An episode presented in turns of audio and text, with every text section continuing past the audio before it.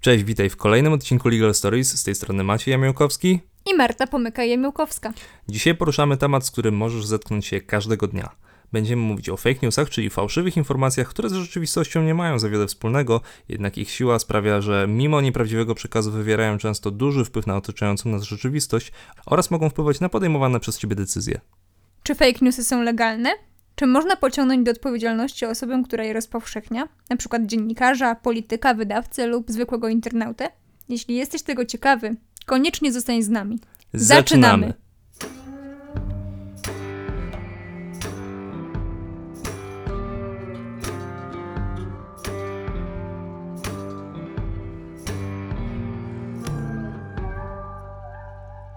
Pewnie choć raz w życiu zdarzyło się tobie przeczytać jakiś artykuł w internecie albo nagłówek tego artykułu, uwierzyłeś w to wszystko, o czym przeczytałeś, a później dowiedziałeś się po jakimś czasie, że tak naprawdę to wszystko, o czym czytałeś, to po prostu nieprawda, czyli klasyczny fake news.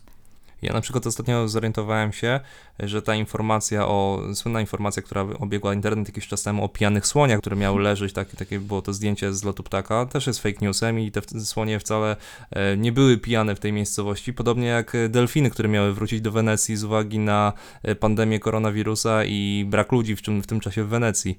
Ja też się na to nabrałam, bo przeczytałam, że z powodu pandemii koronawirusa, ze względu na to, że ruch turystyczny jest mniejszy, no to delfiny wróciły i przyznaję, że nawet się ucieszyłam, że może jak kiedyś pojadę do Wenecji, to będę mogła tam zobaczyć delfiny. No a później okazało się, że dałam się nabrać i że to fake news.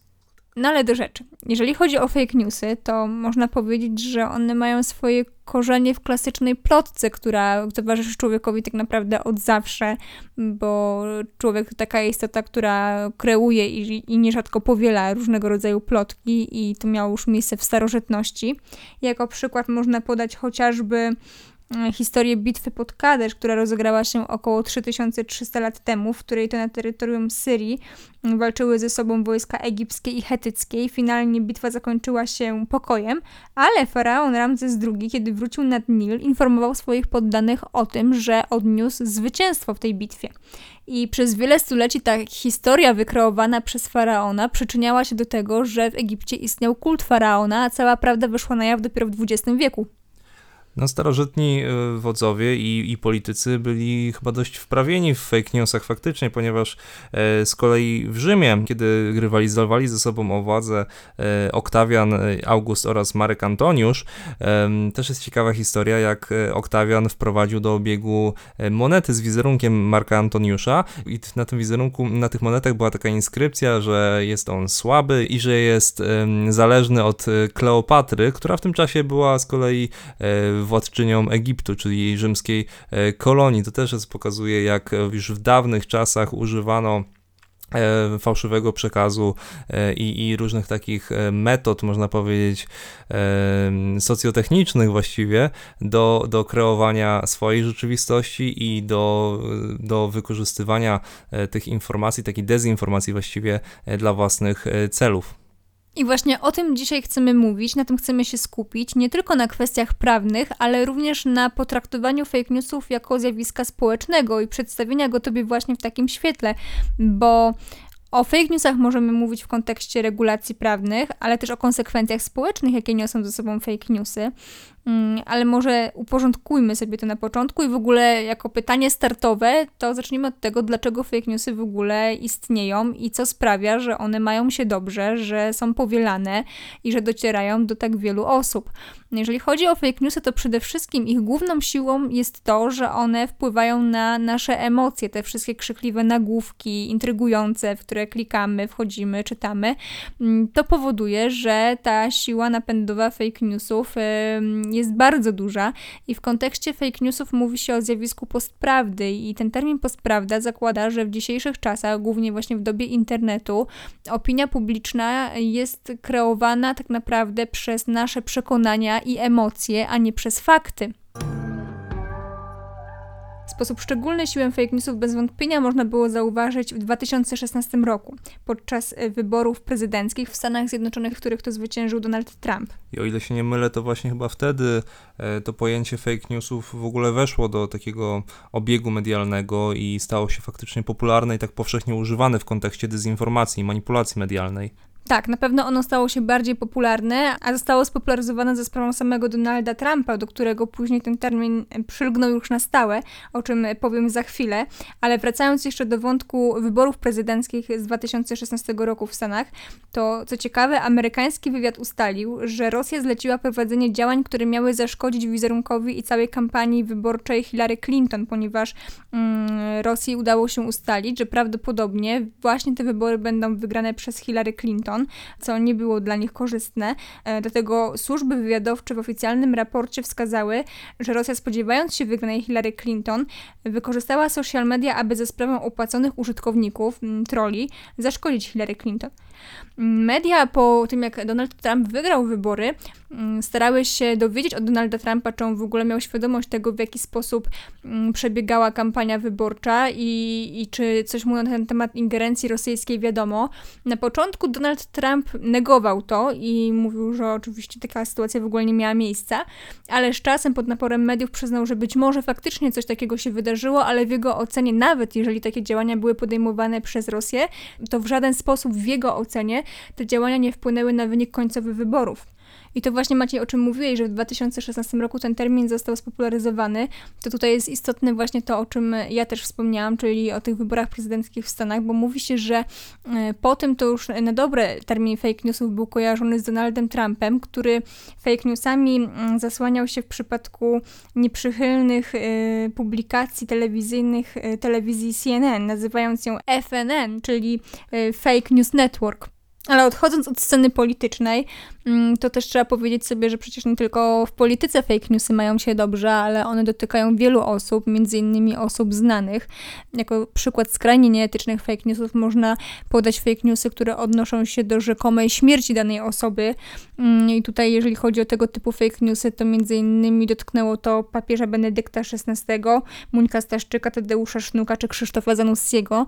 Co ciekawe, jeżeli chodzi o informację związaną z rzekomą śmiercią Krzysztofa Zanussiego, to informacja ta została opublikowana z fałszywego konta Olgi Tokarczuk, więc to też pokazuje, że osoby, które publikują fake newsy, często bardzo skrupulatnie myślą, jak można by zwiększyć siłę rażenia, że tak się wyrażę, fake newsów, no bo nie było przypadkiem to, że to konto zostało wykorzystane, więc to również miało na celu na pewno zwiększenie klikalności w tego typu e, nagłówek informujący o śmierci znanego reżysera.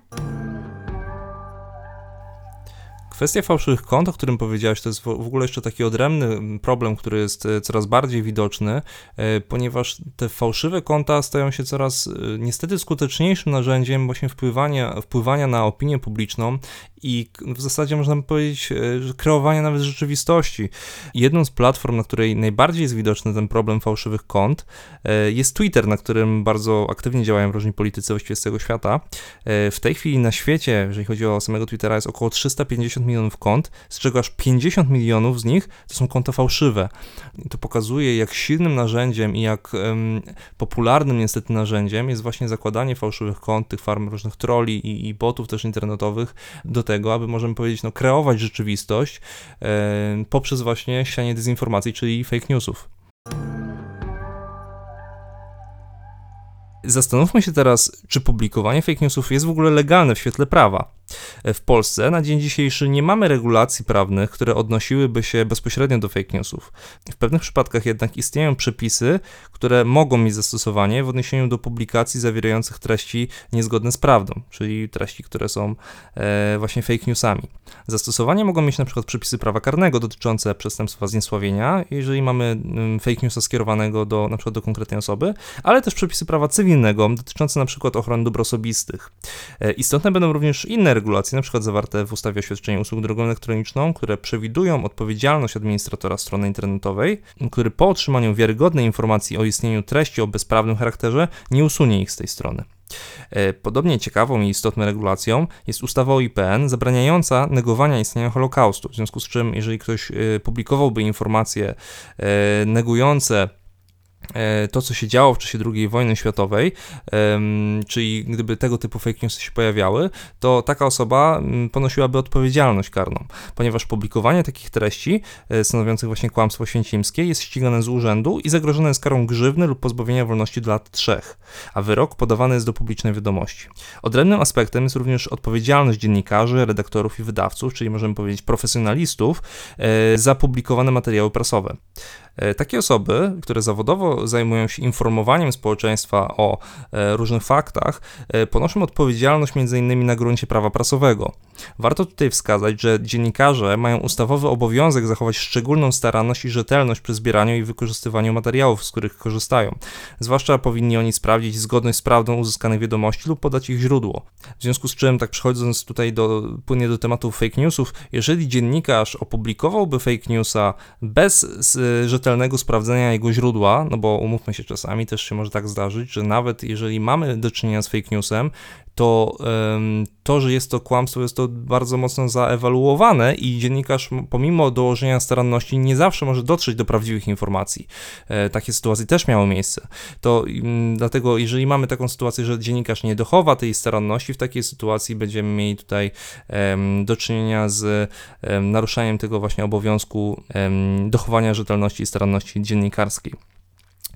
W sytuacji, gdy fake news będzie więc naruszać prawo, na przykład stanowić zniesławienie lub będzie naruszać czyjeś dobro osobiste, istnieją odpowiednie instrumenty prawne, żeby osoby odpowiedzialne za powielanie tego typu treści poniosły odpowiedzialność prawną. Jednak sam w sobie fake news bez treści naruszającej prawo, e, czyli na przykład naruszającej dobro osobiste konkretnej osoby lub osób, na dzień dzisiejszy nie jest zakazany przez prawo. Przykładowo, dzisiaj nikt nie będzie ścigał paskoziemców e, za rozpowszechnianie informacji, że Ziemia jest płaska. To samo dotyczy fake newsów o pijanych słoniach, czy też o wielorybach rybie w Wiśle. Jednak już opublikowanie przez e, dziennikarza czy też wydawcę nieprawdziwej i niesprawdzonej informacji, że na przykład ktoś jest złodziejem albo pedofilem, stanowiłoby naruszenie prawa. Taki fake news stanowiłby naruszenie dóbr osobistych i mógłby stanowić również przestępstwo zniesławienia lub zniewagi. Mówiąc o tych karnych aspektach fake newsów, warto też zwrócić uwagę na artykuł 224a kodeksu karnego. E, ten przepis dotyczy takiej sytuacji, że ktoś wie, że dane zagrożenie nie istnieje, ale pomimo tej wiedzy e, zawiadamia lub stwarza sytuację, która wywołuje przekonanie, że mamy do czynienia z sytuacją zagrożenia życia lub zdrowia wielu osób, lub na przykład mienia w znacznych rozmiarach.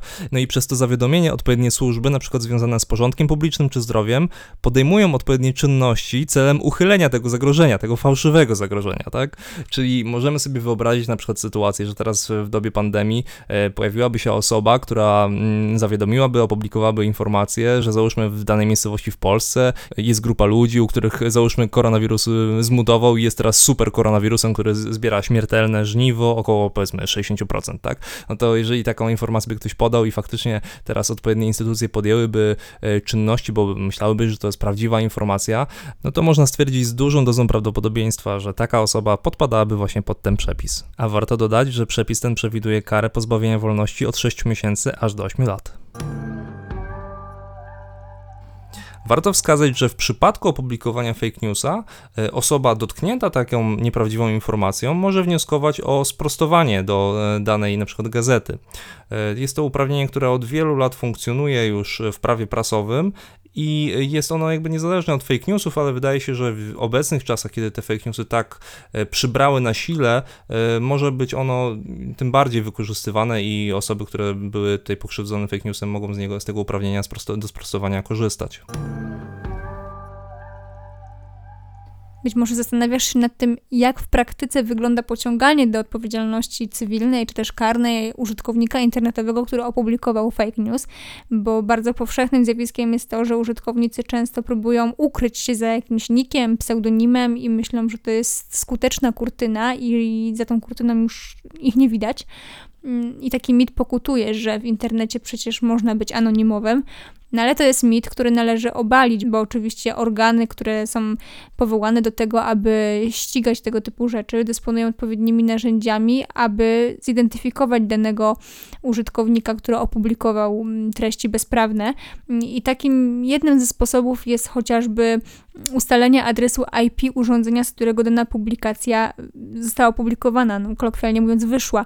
W takim przypadku policja może zwrócić się do administratora danej strony internetowej czy serwisu adresu internetowego właśnie z takim wnioskiem, żądaniem o to, aby ten adres IP został udostępniony. Administrator jest zwalniany z tajemnicy telekomunikacyjnej i w przypadku zwolnienia z tej tajemnicy telekomunikacyjnej jest zobowiązany przekazać organom ścigania taki adres IP i na podstawie tego adresu dany użytkownik odpowiedzialny za bezprawne treści jest identyfikowany i w takiej sytuacji jest możliwość pociągnięcia go do odpowiedzialności. Ciekawym jest to, że w pewnych państwach użytkownicy internetowi byli już pociągnięci do odpowiedzialności za publikowane przez siebie fake newsy. Jako pierwszym państwem, o którym sobie wspomnieć musimy, jest Malezja.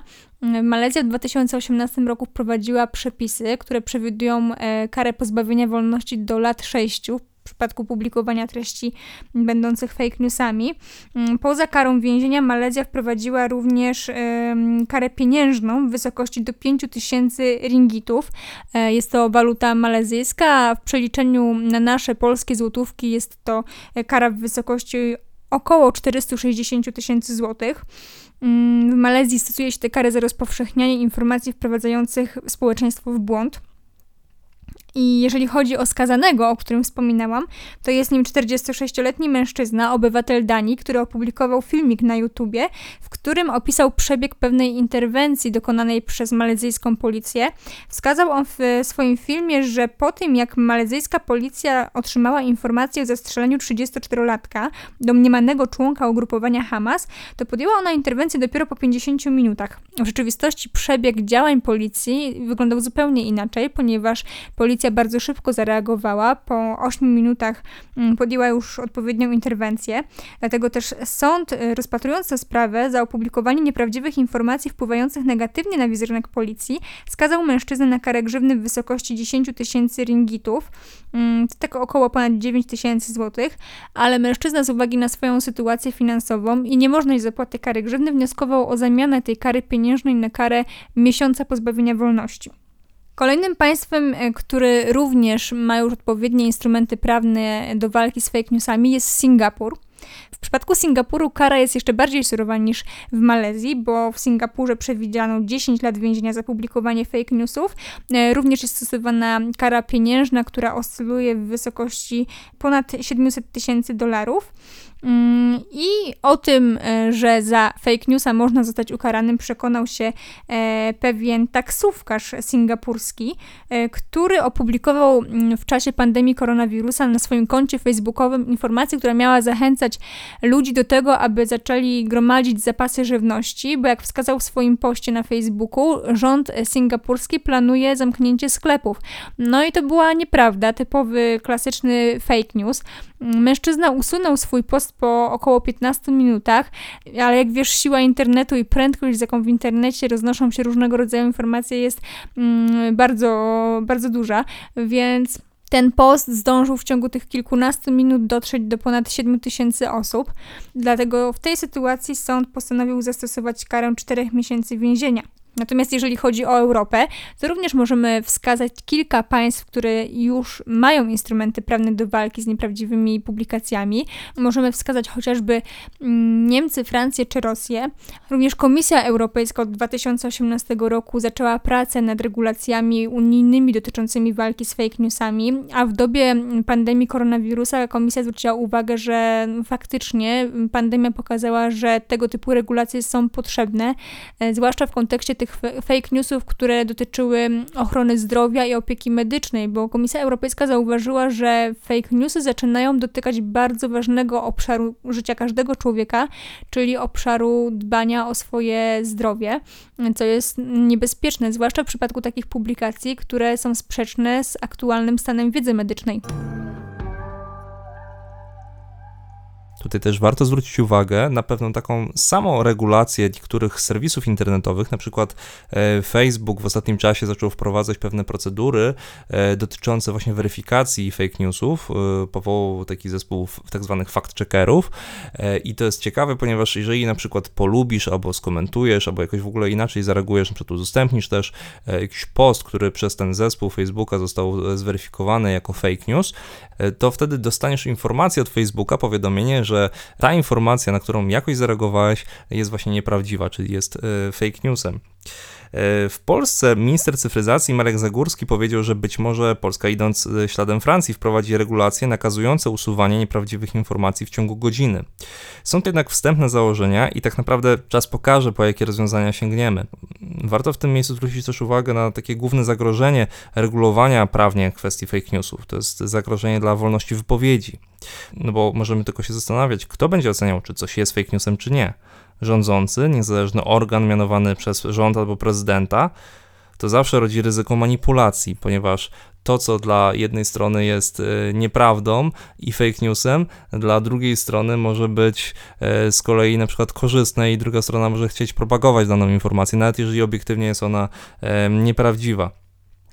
To, o czym mówisz, Maciej, to, już, już zostało zauważone przez organizacje, które mają na celu bronienie praw człowieka, innymi mm, Amnesty International w kontekście właśnie regulacji singapurskich, gdzie zwrócono uwagę na to, że w Singapurze rząd sobie zagwarantował prawo do tego, żeby decydować, co jest fake newsem, a co nie jest fake newsem i za co będzie dany człowiek ponosić odpowiedzialność, a za co nie. Więc tutaj organizacje zwróciły przede wszystkim uwagę na to, że bardzo ryzykowne mogą być jakiekolwiek publikacje, które będą miały za swój przedmiot krytykowanie działań rządu, no bo w takiej sytuacji wiadomo, jest to niewygodna publikacja dla rządu i rząd może zainterweniować i to już prowadziłoby do cenzury i do bardzo mocnego ograniczenia tych podstawowych wolności, między innymi jaką jest wolność wypowiedzi i wolność słowa. A to, że te obawy są uzasadnione, doskonale widać na przykład na przykładzie Rosji, w której za fake newsa uważana jest jakakolwiek informacja pokazująca rażący brak szacunku do państwa, a za nieprzestrzeganie zakazu publikowania takich fake newsów grozi 15 dni aresztu. No i w ten sposób dotarliśmy do końca. Podsumujmy może sobie więc to wszystko. Czego możesz się dowiedzieć z dzisiejszego odcinka?